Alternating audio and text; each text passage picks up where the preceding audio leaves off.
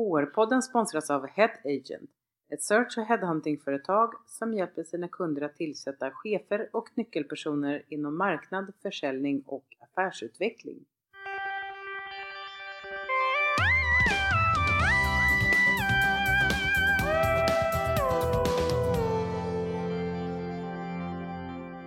Hallå och välkommen till HR-podden. Jag heter Gisela Jönsson och är doktorand i arbetsvetenskap på KTH. Jag har med mig Katarina Starndal. Mm. HR-ansvarig på Lynxeye. Vår gäst idag är Leila Ljungberg som är HR-manager på Digital Bout. Välkommen! Tack och hej! Kul att ha dig här Leila! Eh, vi har ju en hel del att prata om, ett ämne som ligger både dig och mig väldigt varmt om hjärtat. Mm. Eh, idag ska vi prata nämligen om agil HR.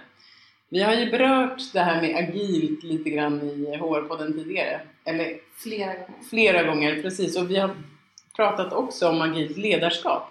Men däremot har vi inte pratat om ja, men det här med agilt, vad betyder det? Vad är det om man säger agil HR? Så, jag tänkte för att börja någonstans eh, så kan vi ju börja med att liksom lite definiera vad är det här? Vad, vad menar vi när vi säger agilt överlag? Vad innebär det Leila? Mm. Jag tänker ganska mycket på det där. Begreppet är ju ursprungligen snott ifrån mjukvaruutvecklingen och ett sätt att jobba på eh, istället för den mer traditionella vattenfallsmetoden när man utvecklar mjukvara. Men när man sen tar det agila begreppet till HR-arbetet så blir det liksom lite transformerat igen. Evolutionen som pågår konstant. Och för mig, när vi pratar om agil HR, så kommer vi in istället på ett sätt av värderingar. Och det är i och för sig då samma värderingar som metoden är byggd på. Den mjukvaruutvecklingsmetoden som vi kommer från från början. Vad är det för Ja. värderingar då? Vi den givna nästa fråga. Den naturliga följdfrågan. Mm. Jo, men eh, det man pratar om är ju eh, det agila manifestet egentligen som ligger som grund. Mm. Och det handlar ju bland annat om fungerande mjukvara eh, och jag har transformerat det här lite högre till kvalitet och relevans. Det handlar också om att jobba iterativt. Det här är ett väldigt IT-igt begrepp. Precis, och jag har liksom hamnat lite mer i korta feedback-loopar som är lite mer funkis när vi pratar pedagogik och lärande i arbetslivet. Mm. Eh, och sen handlar det såklart om det superviktiga med att man är i en föränderlig omvärld. Det är ju därifrån den här motrörelsen satte igång från början. Mm. Eh, och det handlar ju om att det ska vara en lättrörlig metod eh, att jobba agile. Eh, och det tycker jag i och för sig fungerar ganska rakt av som, som det är tänkt från början.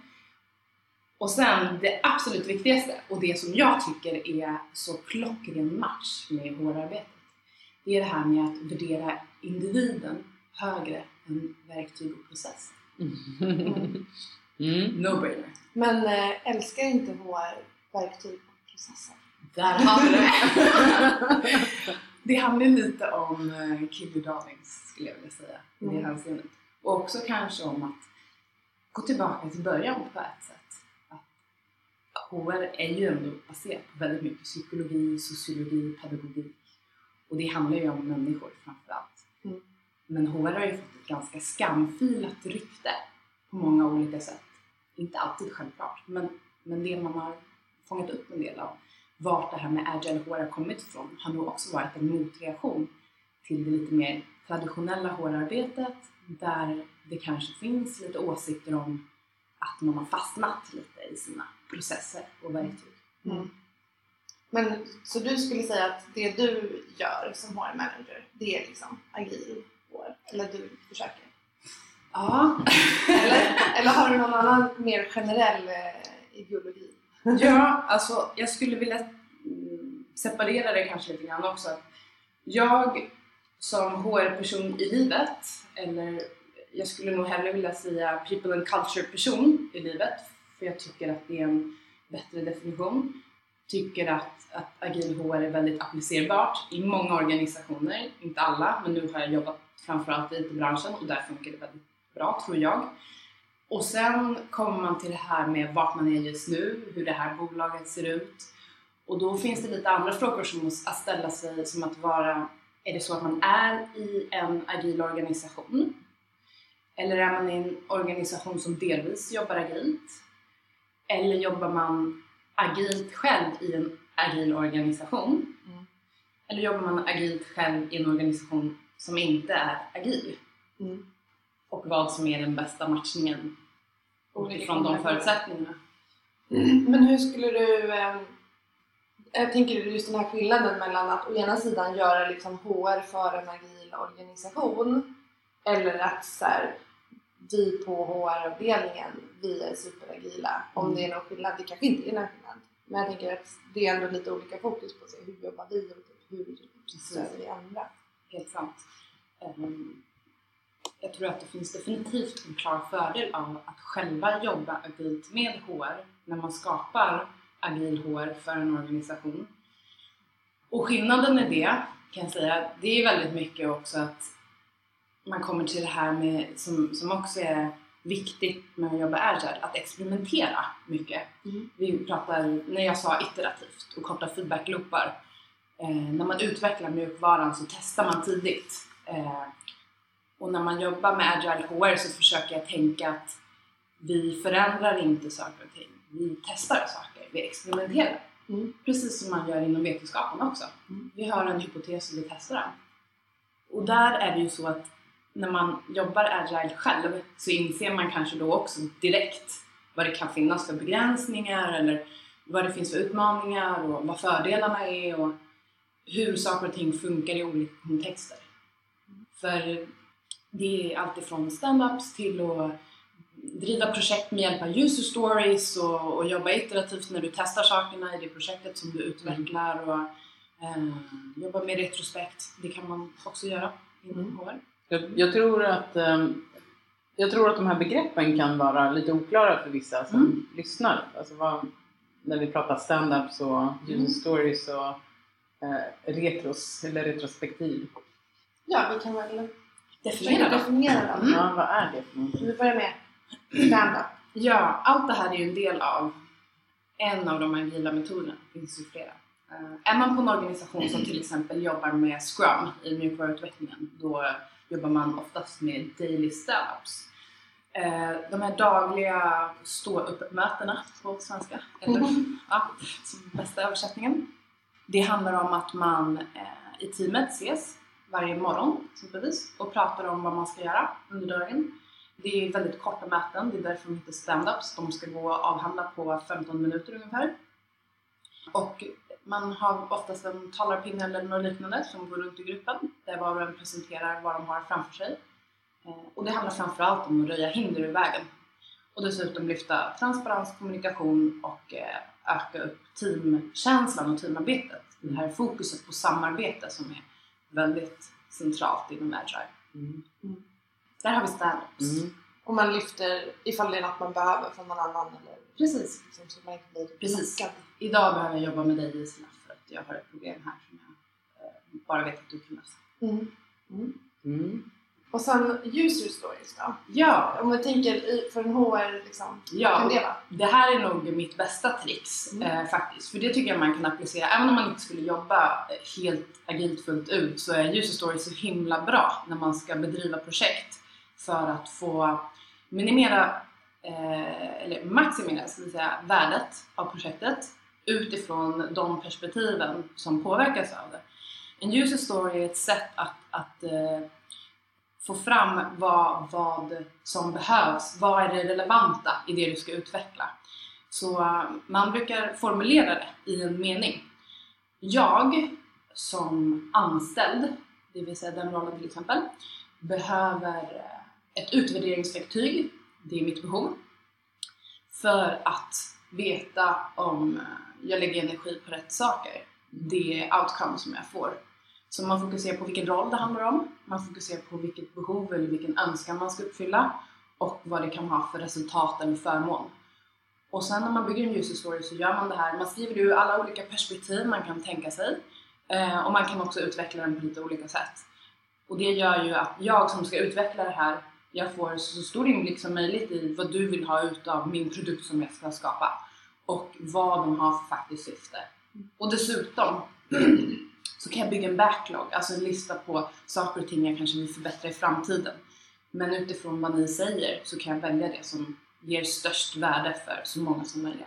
Mm. Så det är ett jättebra sätt att få inblick i hur andra kan dra nytta av det projektet jag sitter med just nu. Det är också bara en kommentar till det att det ligger väldigt mycket kundfokus i det. Att man Ja, hela tiden, det, och det är också någonting som utmärker det agila, att man Ja. hela tiden tänker på vem, vem är det som i slutändan ska använda det här som vi gör? Mm. Och vad är det för värde för den personen? För det kan jag ibland känna också lite har varit HRs fälla. Att man har suttit, ja men verkligen att man har suttit lite i en egen avdelning någonstans i organisationen. Kanske inte haft jättemycket kontaktytor med, med övriga organisationen och gjort sina HR-leverabler och man tänker liksom, varför använder de inte det här? Eller att det blir ett gap mellan Mm. vad organisationen behöver och vad HR gör för att det finns en disconnect någonstans. Ja, och det här är ju just där jag tror motrörelsen av agil HR har satt igång. Jag kommer ihåg eh, Kalle Blomberg och jag hade ett seminarium om agil HR väldigt tidigt. Vi satt och bubblade ihop våra hjärnor och tänkte så här. Tänk när vi är 80 bast och vi hade det här seminariet och, de bara, och, och vi sitter där och bara, vi visste inte hur stort det här skulle bli. Liksom. Det var så himla roligt. Vi bjöd in IT-folk och HR-människor Mm. till det när, bolaget. när var det här? Det här var det några år sedan ändå. Ja, det är ju det. Ni var de första som började prata om agil HR. Kalle Blomberg startade ju Kalle sen sin... blogga Precis, och det var så jag hittade honom. Ja. Och så sa jag liksom, det här måste vi göra någonting av. Vi måste sprida det här. Jag är jättetrött på, på all, allt skitsnack som går om HR och jag tror verkligen att vi kan jobba bättre och tillföra ett värde och jobba nytt, transformera oss.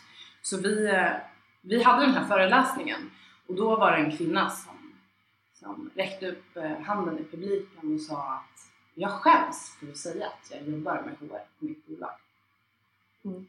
Och mycket av just den uppfattningen handlade ju om precis det du säger Katarina, att man utvecklar produkter eller processer eller verktyg eller metoder som inte hade någon verklighetsförankring.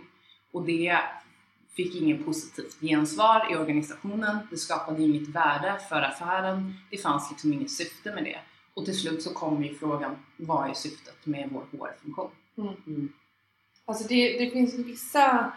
Det där skulle man kunna göra ett specialavsnitt om vid något tillfälle men just att det verkar liksom finnas en, en dynamik inom så här, alltså många organisationer där det blir lite på det här viset. Och sen så ungefär vart femte år så skriver de en artikel i Harvard Business Review att man måste vi ska bort med HR, lägg ner HR, HR borde vara de här andra funktionerna. Fast vi behöver ju för sig fortfarande anställa folk och vi måste kunna saker om människor och folk Mm. måste ju få lön och hur ska vi ersätta dem och så, och så men Mm. eh, måste lägga ner det där HR, det är inget bra. Ja, men precis.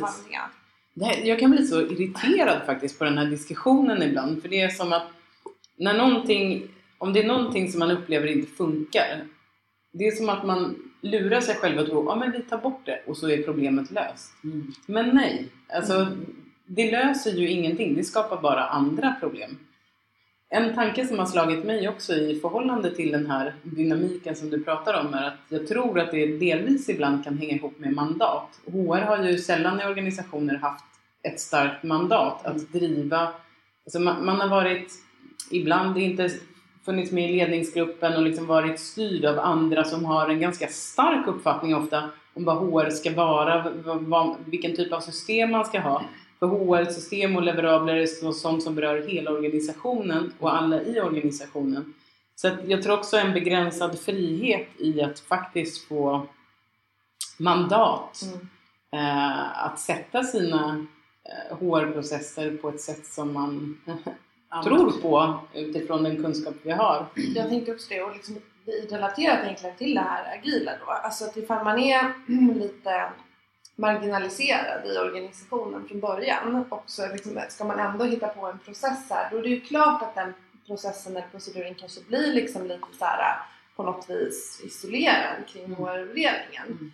Men om man verkligen ska jobba så här som du säger känns det som att man måste ha att man måste ut i organisationen Mm. och verkligen så här, dels ta reda på vad folk verkligen så då behöver på de här olika sätten och de kanske inte kan berätta exakt vad de behöver rakt ut sådär för de har inte tänkt det liksom i, i HR, alltså övers, på något vis kunna översätta det liksom lite så här till sitt HR-grejs men sen också att många av de sakerna man kanske behöver göra kanske kräver att man kräver resurser från andra delar av organisationen. Mm. Typ ni på IT måste hjälpa oss att utveckla den här grejen eller någonting sånt.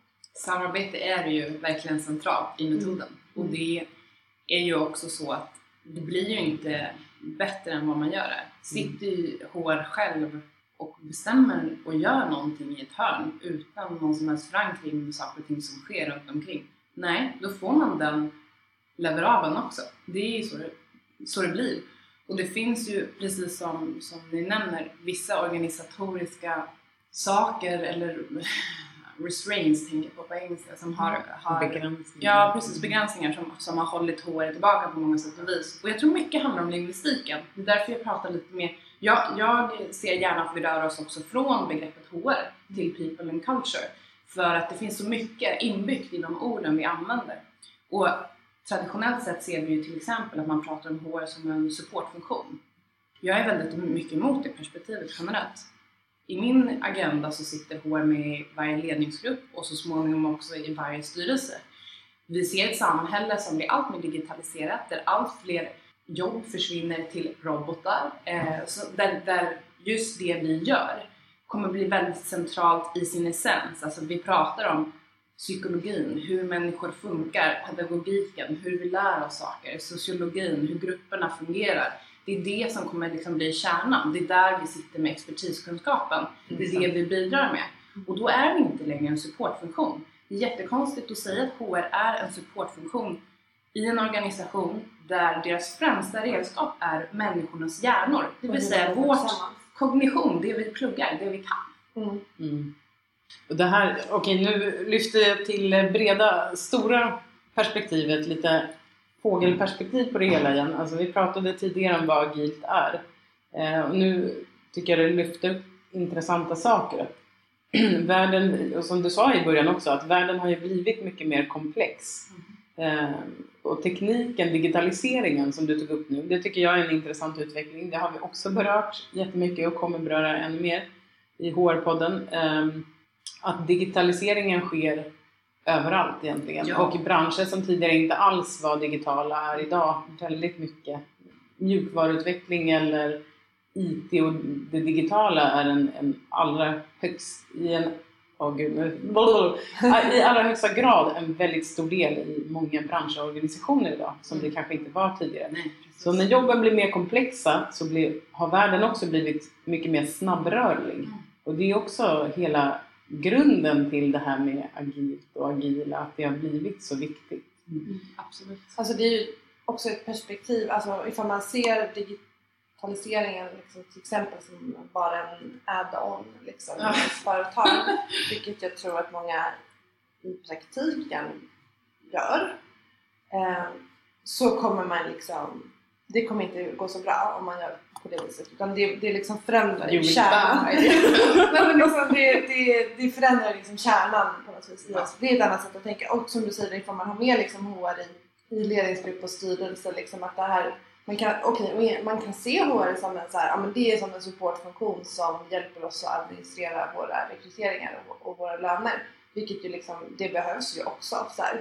Men, eh, eller så kan man ju se det som ett så här, strategiskt eh, väldigt viktigt perspektiv som man typ måste förstå annars kommer man liksom ha problem eh, hela tiden. Och jag menar, inte minst då för till exempel att göra någonting bra inom digitaliseringen så kanske man måste tänka mycket så här, vad behöver vi för kompetenser och människor och sätt att arbeta tillsammans för att hantera det här. Det är ju Exakt. superviktigt. Ja.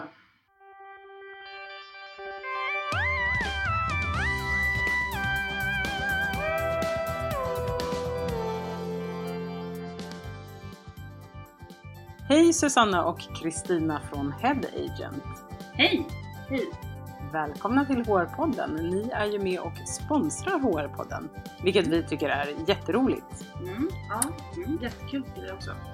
Ni har ju även börjat med en ganska ny verksamhet och det är rekrytering till styrelser. Mm. Berätta, det här känns jättespännande. Mm. Dagens affär ser liksom helt annorlunda ut än vad det gjorde för x antal år sedan. Vi måste hitta personer som kanske är mer operativa idag än de som har gått i pension. Att man behöver liksom byta ut ganska mycket där. Och vi tror också att man behöver utvärdera sin styrelse på ett helt annat sätt än vad man gör idag. I form av att man kanske årligen gör det.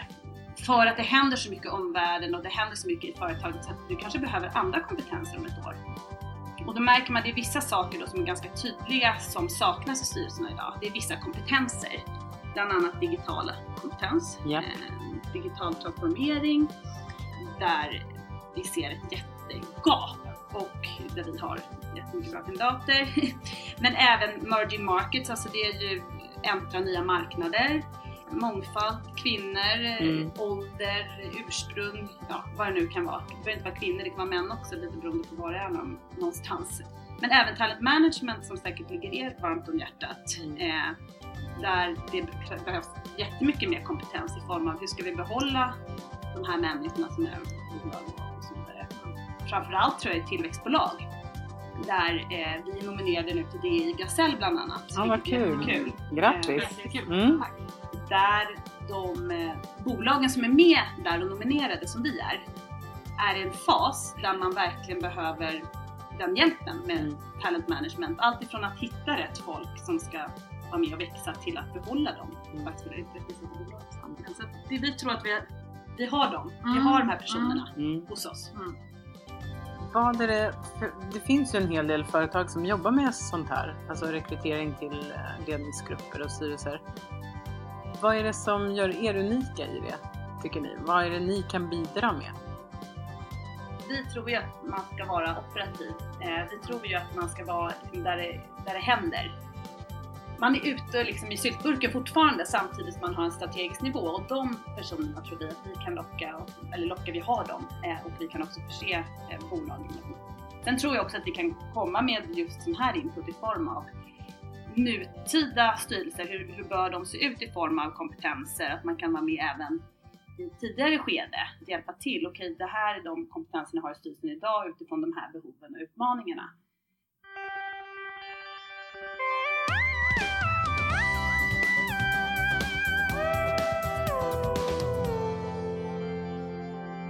Och en till sak som jag tänkte på i samband med det här är ju att i och med att det har blivit mer komplext så ställer det mycket mer krav på många fler jobb. Mm. Alltså jobben har blivit svårare. Eh, jobben har blivit mer komplicerade i sig vilket gör att det är mycket fl- fler kunskapsarbetare idag. Och där kommer vi även till HRs jobb så småningom. Ja. Vi är också i en transformationsfas och lite tror jag att man har glömt bort det. I alla fall omvärlden. vi behöver ju också, både oss själva och omvärlden ska jag säga, vi behöver transformeras, vi behöver jobba annorlunda. Vi behöver också kommunicera ut det till omvärlden. Saker som du nämnde, man till exempel skulle, om man väljer att se HR som en support och administrera, alla de här grejerna kan man ju faktiskt automatisera. Det är ju så mycket av administrationen som faktiskt försvinner. Vi behöver inte Mm. göra det här längre. Och sen kommer jag också till kärnfrågan i det här väldigt mycket. Vill man jobba med agil HR i en agil organisation så jobbar man väldigt mycket med att bygga ledarskap på individnivå. Inte nödvändigtvis på chefsnivå utan man transformerar medarbetarskapet till att folk inte längre bara bidrar, de är ledare. Man bygger självstyrande team och det gör ju att väldigt mycket hamnar på individen. Man får ta väldigt mycket ansvar själv. Man får jobba med att bredda sin roll hela tiden. Och här bidrar ju vi såklart med expertis, men det gör också att väldigt mycket saker som kanske har varit någonting som HR gör åt en förut, ligger nu på en själv.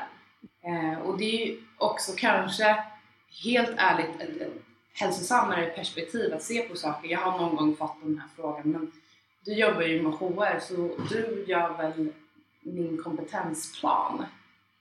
Eh, I den här komplexa omvärlden med de här komplexa rollerna. Jag kan hjälpa till med att förstå hur, hur lärandet fungerar, hur människor fungerar, hur man tar till sig information på bästa sätt. Eh, hur, hur funkar det kognitiva, olika funktioner och hjärnan och eh, samarbete och kommunikation. Men det är ju inte jag som är den tekniska experten på ditt område. Och där blir det ju så att man mer och mer ser också att man distribuerar ut den rollen, att experten det är en person i, i det här till exempel självstyrande teamet som har liksom kompetensfokuset på det området. Mm. Va- Men vad, vad blir HR, eh, vad blir HR-personens viktigaste roll där? Mm. Alltså, Jag och Kalle brukade tankelabba ganska hårt med den här att avveckla HR. mm. Det är ganska hälsosamt tror jag på något vis att alltid tänka sig att man skulle bara kunna ta bort sig själv ur bilden och se vad som händer då. För lite handlar ju det om sitt existensberättigande. Alltså motfrågan blir ju så här, var, vad bidrar jag med? Var, Mm. var tillför jag värde? Mm. Och jag tror att i den här transformationsprocessen så kommer som sagt väldigt mycket automatiseras. Väldigt mycket kommer hända i de här självstyrande teamen. För att vi ser alla personer som vuxna, som ledare, som förmögna att ta till sig information som vi transparent delar med oss av.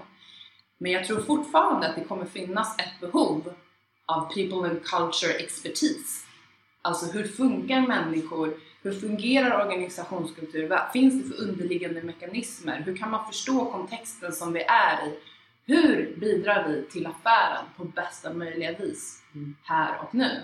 Mm. Och där tror jag att HR kommer ha en central roll. Vi går från att vara en supportfunktion till att vara en spelare i fotbollslaget som ni pratade om tidigare kanske. Nu är det inte vi som sopar gräsmattan längre utan vi är faktiskt med där på mittfältet. Vi är med och agerar offensivt, gör Mm. mål. Mm. Där tror jag att HR har en, en central roll i framtiden.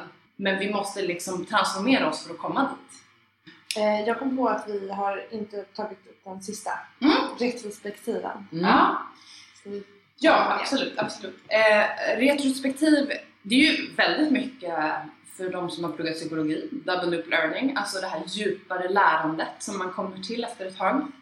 Det handlar om att faktiskt stanna upp och reflektera över det man har gjort.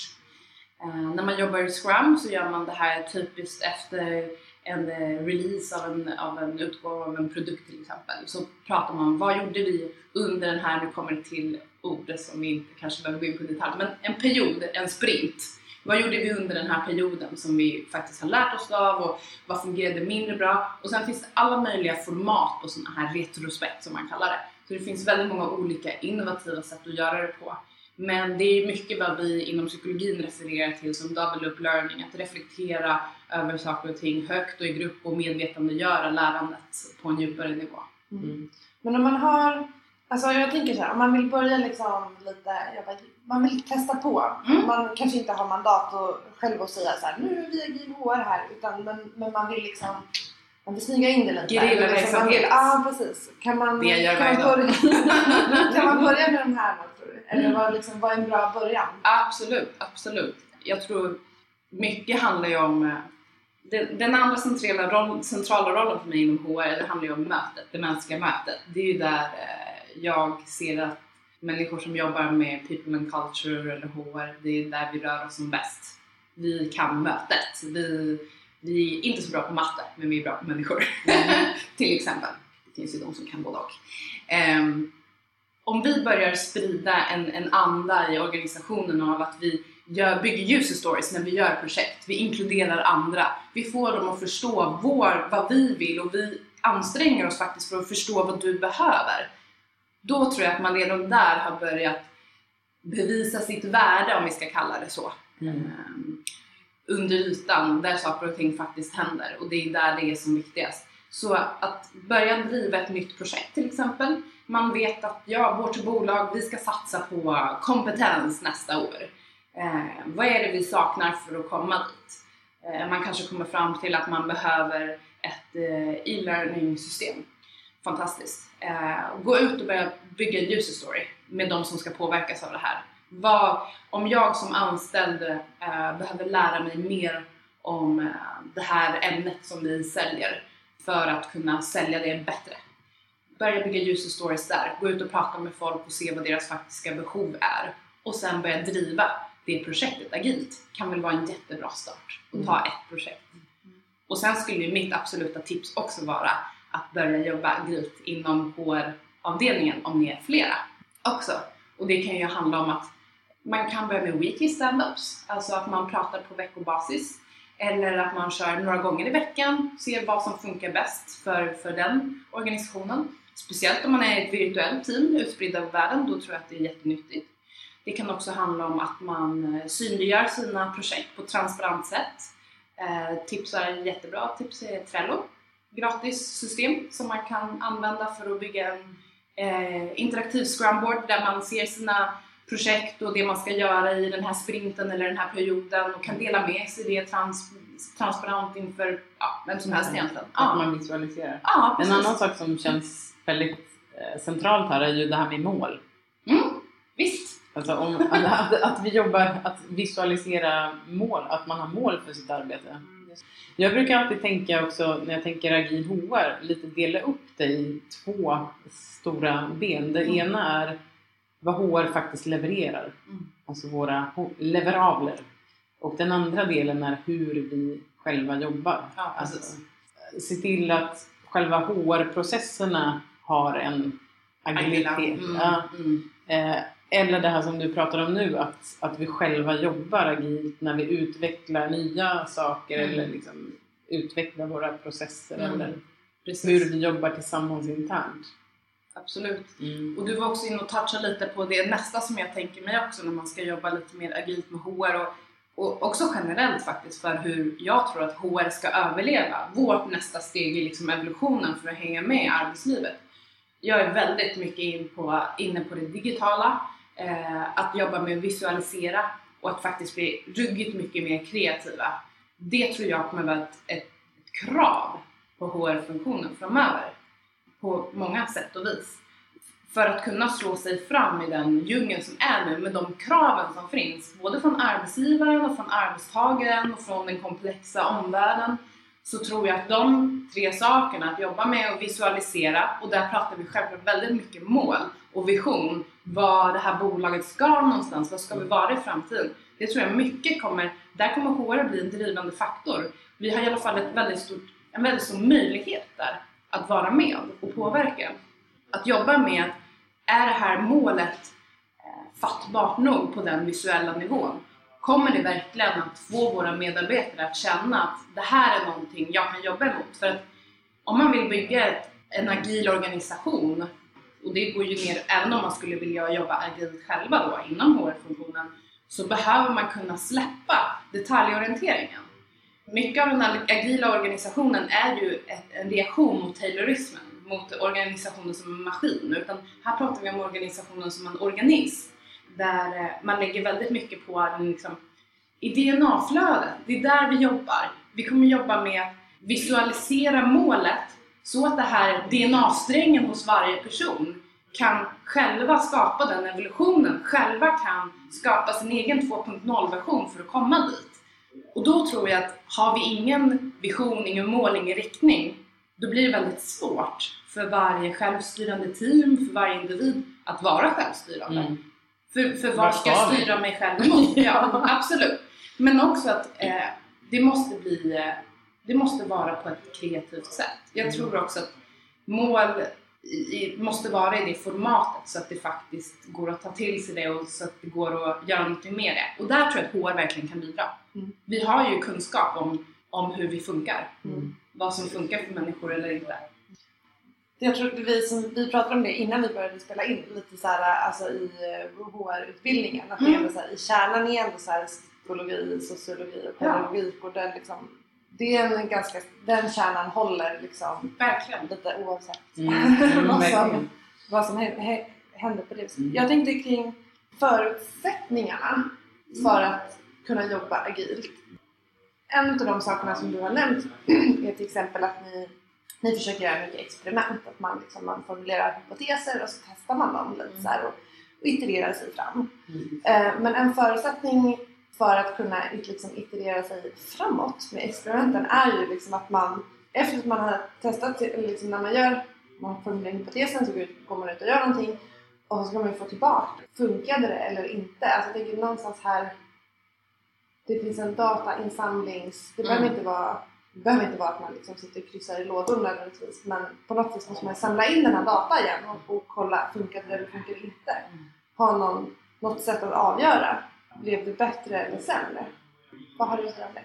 Nej, det, det tycker jag är den stora utmaningen faktiskt. För Mm. att eh, i, i den optimala agila organisationen så har du börjat där med intentionen att leda. Inte bara bidra med din expertis utan att leda hela organisationen framåt, vilken roll du än har. Och har man det perspektivet att det här är mitt bolag och jag ska leda det framåt, då är man ju intresserad av att se att vi utvecklar oss på alla nivåer. Då, är det, då tittar ju inte jag bara på mitt lilla skrå, utan då tittar jag på organisationen i sin helhet. Och de förutsättningarna, då, då hamnar vi i den här frågeställningen som jag började i från början. Är man i en organisation som jobbar agilt delvis, eller jobbar man agilt i hela organisationen? Och jag tror att om man gör det i hela organisationen, då, då har man det, den, de spelreglerna där från början. Mm. I rekryteringen så blir det väldigt tydligt att du förväntas bidra till Mm. organisationen på, på alla nivåer. Vi, det här pågår ett kontinuerligt förbättringsarbete. Din roll kommer kontinuerligt att vidgas. Vi vill att du leder organisationen. Har man inte riktigt kommit dit så kan det vara en utmaning att få alla i organisationen att inse värdet av att deras feedback för att vara med på det här. Men det här är inte prioriterat för mig just nu. Jag hinner inte, jag kan inte. Eh, Jag tänker inte svara på den där undersökningen eller enkäten. Eller jag, ja, jag tycker kvalitativ feedback är den bästa för då Mm. får man oftast mest och man kan fråga mer. Men, men man måste ju få tid och, och kunna få fram eh, prioriteringen i det här. Och det kan vara lite olika. Ibland så kan det finnas en organisationskultur där det är självklart. Mm. Och ibland så behöver man jobba med organisationskulturen ur det perspektivet. Där ser jag oss ganska mycket som en förändringsagent också. Alltså där kan ju verkligen HR vara med och bi- bidra Ja. och pusha organisationen att bli mer agil på många sätt. Och det kan man göra både i små saker och sen försöka få igenom större saker också. Eller jag går tillbaka lite till det du sa om det här med att man måste släppa detaljorienteringen, alltså och detalj kanske styrningen eh, som ändå är ett arv liksom från lite den gamla skolan där chefen visste bäst och ska styra och fatta beslut. Här, här är ju det lite tvärtom, upp och nervänt, vilket är väldigt kontraintuitivt för många. Eh, men jag tycker det är en, ganska roligt för många vill ju rekrytera de bästa till organisationen och idag när vi pratar om de bästa så är det ofta kunskapsarbetare. Det är väldigt kompetenta personer. Så den känns väldigt naturlig att det har alla organisationer men det som är svårare sen det är när de väl har kommit in att faktiskt låta dem vara den där kompetenta, duktiga personen och släppa dem lite fria inom ramarna men ändå inte ha, alltså låta dem få utväxling för deras kompetens och låta dem evolvera sig som du säger, som du kallar det. Mm. Det är lite svårare. Eh, Jag, så kan det också vara, absolut. Det är ett ganska vanligt problem. Mm. Men jag kan också känna att det faktiskt är tvärtom. Mm. Eh, jag vet att Gisela, du pratade om det lite grann med Karl som var på HR-podden tidigare. Det här med att jag vill bara komma hit och göra min grej och hem. Mm. För det perspektivet finns ju ganska mycket också. Ja. Jag tror att när man jobbar till exempel med Scrum, då blir det lite inbyggt det här på något vis. För det, det ligger liksom genomsyrande i hela värderingsbasen för det, att man bidrar. Eh, vilket gör det kanske också självklart i större sammanhang. Men en sak som faktiskt är inbyggd i den agila modellen som kan bli problematisk också, det är ju att eh, man prioriterar ju liksom högsta värde ofta. Produktiviteten. Det är, det är mycket det som, som kommer fram för processer och verktyg och så.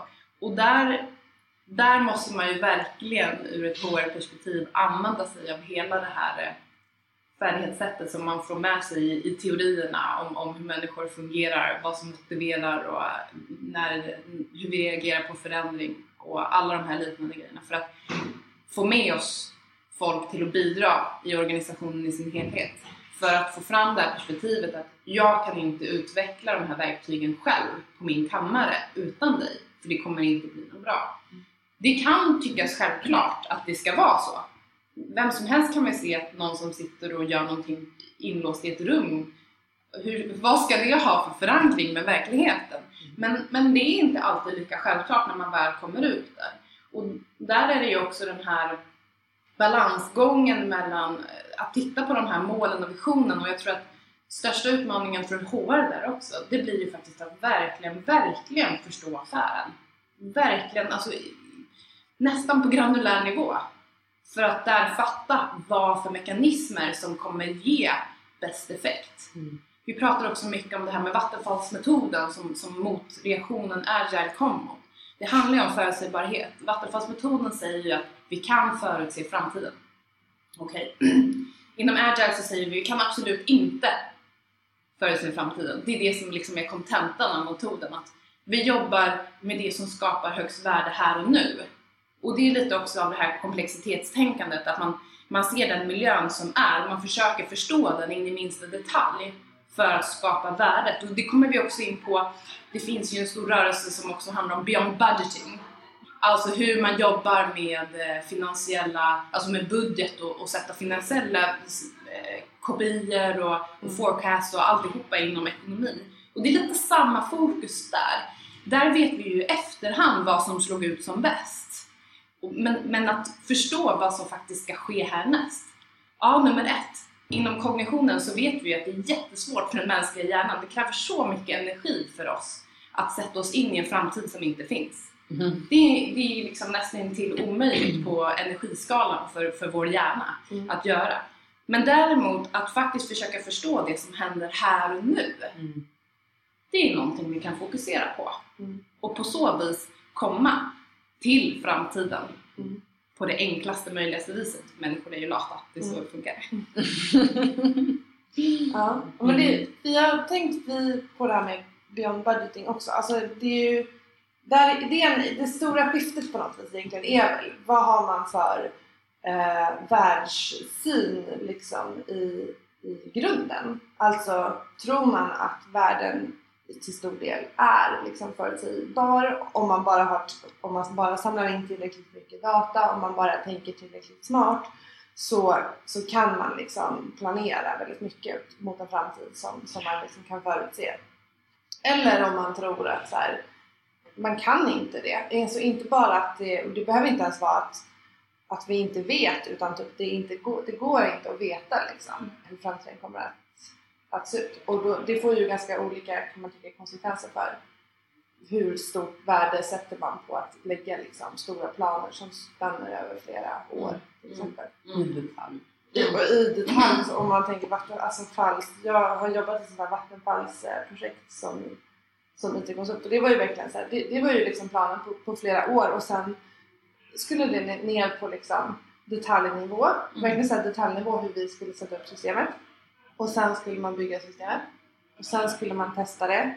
Och sen utifrån de testerna så kunde det göras en del så här ändrings liksom, eh, requests och så några av dem kanske man hann göra innan men det mesta hann man då liksom efter att man hade Mm. byggt färdigt allting. Och Och just- sen så skulle man bygga. Hur lång- var tidshorisonten på det där?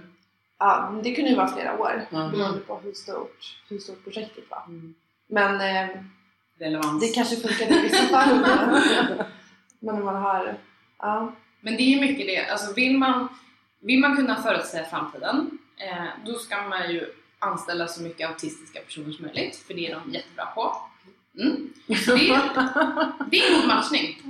Autistisk, eh, är bra, det, det är i princip den enda, den, deras kognitiva funktioner är ju superbra på att predicera så mycket som möjligt för de kan ta in så mycket mer information än vad jag kan. Mm. Mm.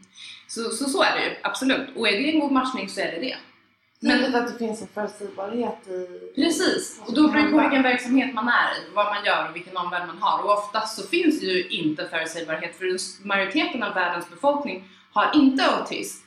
Och majoriteten av världens befolkning är de som driver affären och omvärlden runt omkring oss. Så vår för oförutsägbarhet ligger oftast i det mänskliga elementet runt omkring vår verksamhet. Så är det ju. Även om jag jobbar i IT-branschen så är den också i allra högsta grad beroende av alla de människorna som faktiskt får IT-branschen att ticka runt. Mm. Jobbar man inom telekom så är det ju människor som ringer i mobiltelefoner eller inte. Mm. Så mänskligheten som faktor är, är ju oftast avgörande och därför så handlar det ju också om att ja, det finns en stor relevans för att jobba agilt med HR, för att jobba agilt i en organisation i många, på många arbetsplatser just nu. För det, för det är den trenden, det är så arbetslivet ser ut just nu. Mm. Det är människor som styr branschen och man pratar mer och mer om att allt mer yrkesroller kommer automatiseras och, och eh, kunna drivas av robotar istället. Mm. Så är det ju också. Jag tänkte, finns det några andra som du ser som viktiga liksom, förutsättningar för att Mm. få liv? Alltså, jag tänker de här arbetssätten de kanske kräver vissa Ja, saker ändå. mm. Absolut, det skulle jag definitivt säga. Eh, oftast så handlar det ju om ett mindset på alla nivåer i organisationen. Och då, varför jag säger mindset är också för att det kan ju vara så att det finns en förändring, förändringsvilja, en, en möjlighet till förändring inom organisationen om det här behovet är tillräckligt stort. Eller rättare sagt, om människorna i organisationen uppfattar att behovet är tillräckligt stort.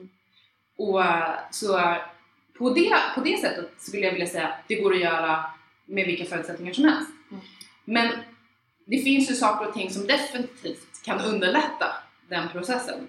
Och det skulle jag ju säga nummer ett, att man är i en, i en oförutsägbar bransch. Mm. Vilket då kommer tillbaka till föregående diskussion Ja. de flesta branscher just nu. Mm. Eh, nummer två så skulle jag också säga att det är ju fantastiskt om man har en ledning, alltså de personerna som har mest ansvar på bolaget just nu som faktiskt vill vara på den här vågen. Mm. För att det kan vara ganska, ja det kan, som, som jag sa, det, det kan funka om det finns en förändrings, ett, ett cap, ett litet utrymme för förändring. Men om man bedriver det här underifrån i en top-down organisation alla Taylorismen Mm. så kan det ta ganska lång tid och vara ganska tungrot att faktiskt komma till det läget där man får effekt av de här förändringarna. Mm.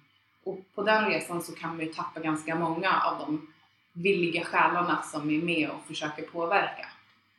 För en, en reflektion kring det är att det här mindsetet du pratar om, på, i grunden till det så ligger ju också väldigt mycket antaganden, underliggande antaganden om hur vi människor fungerar.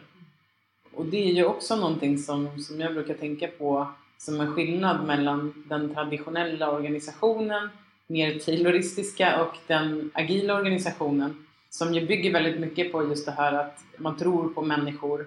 En, en lite mer krass negativ människosyn eh, och syn på de som arbetar i organisationen kontra en mer positiv syn på människor i organisationen. Alltså i det ena fallet att man inte tror att människor kan och vill ta ansvar, att de behöver kontrolleras, eh, att de behöver motiveras genom piska eller morot.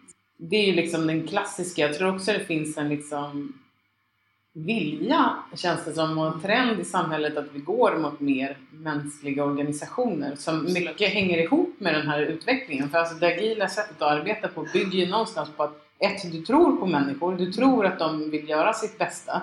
Även om det kanske inte lyckas alla gånger så, så är det utgångspunkten och att de har en inneboende förmåga att både ta ansvar, att vilja driva saker, att vara liksom fantastiska på många sätt.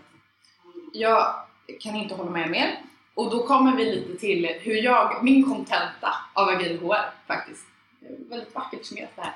Men jag har en personlig tagline som jag använder mig av. Du har säkert sett den Katarina, kanske du också Jag säger Fearless HR for bold companies. Och det bästa är ju också att du och jag Katarina har delat en nyhet ganska frekvent nu på sistone om just bold HR. Alltså vi pratar modig HR. Mm. Och nu kommer vi ju till det som är grejen, liksom, apropå mekanismer och förutsättningar och hur det ska se ut runt omkring. Man måste våga. Och det här ligger på väldigt många nivåer.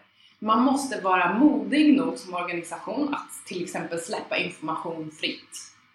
Man måste vara modig nog att lita på att ens medarbetare faktiskt också vill göra sitt bästa.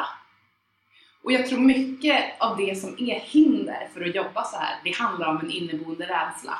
Mm. Och det handlar ju också om att vi kommer ju tillbaka som, det var någon som frågade mig här faktiskt på bolaget, vi, har, vi jobbar ju med en kulturförändring så som alla andra bolag gör.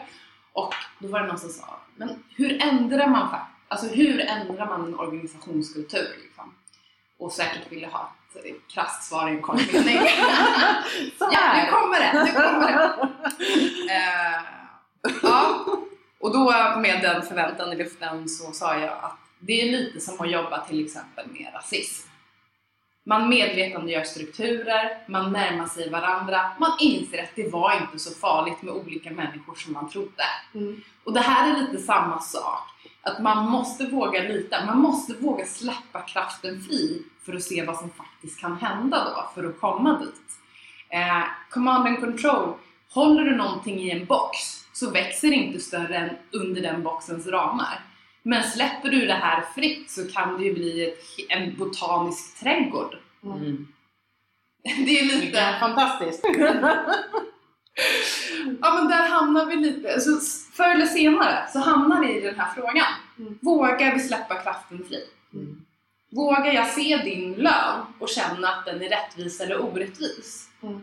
Vågar jag låta mina teammedlemmar vara med och rekrytera in den här nya personen för att säkerställa att vi har faktiskt samma värderingsbas? Vågar vi som ledningsgrupp faktiskt släppa vår agenda fri i organisationen? Vågar vi visa våra siffror varje dag för hur det faktiskt går för oss? För det är just den här informationen som var och en behöver i en levande organismorganisation för att kunna fatta sunda beslut själva. Mm. Om jag inte vet att det går dåligt för oss, hur ska jag veta att den här lunchen var alldeles för dyr? Mm. Mm.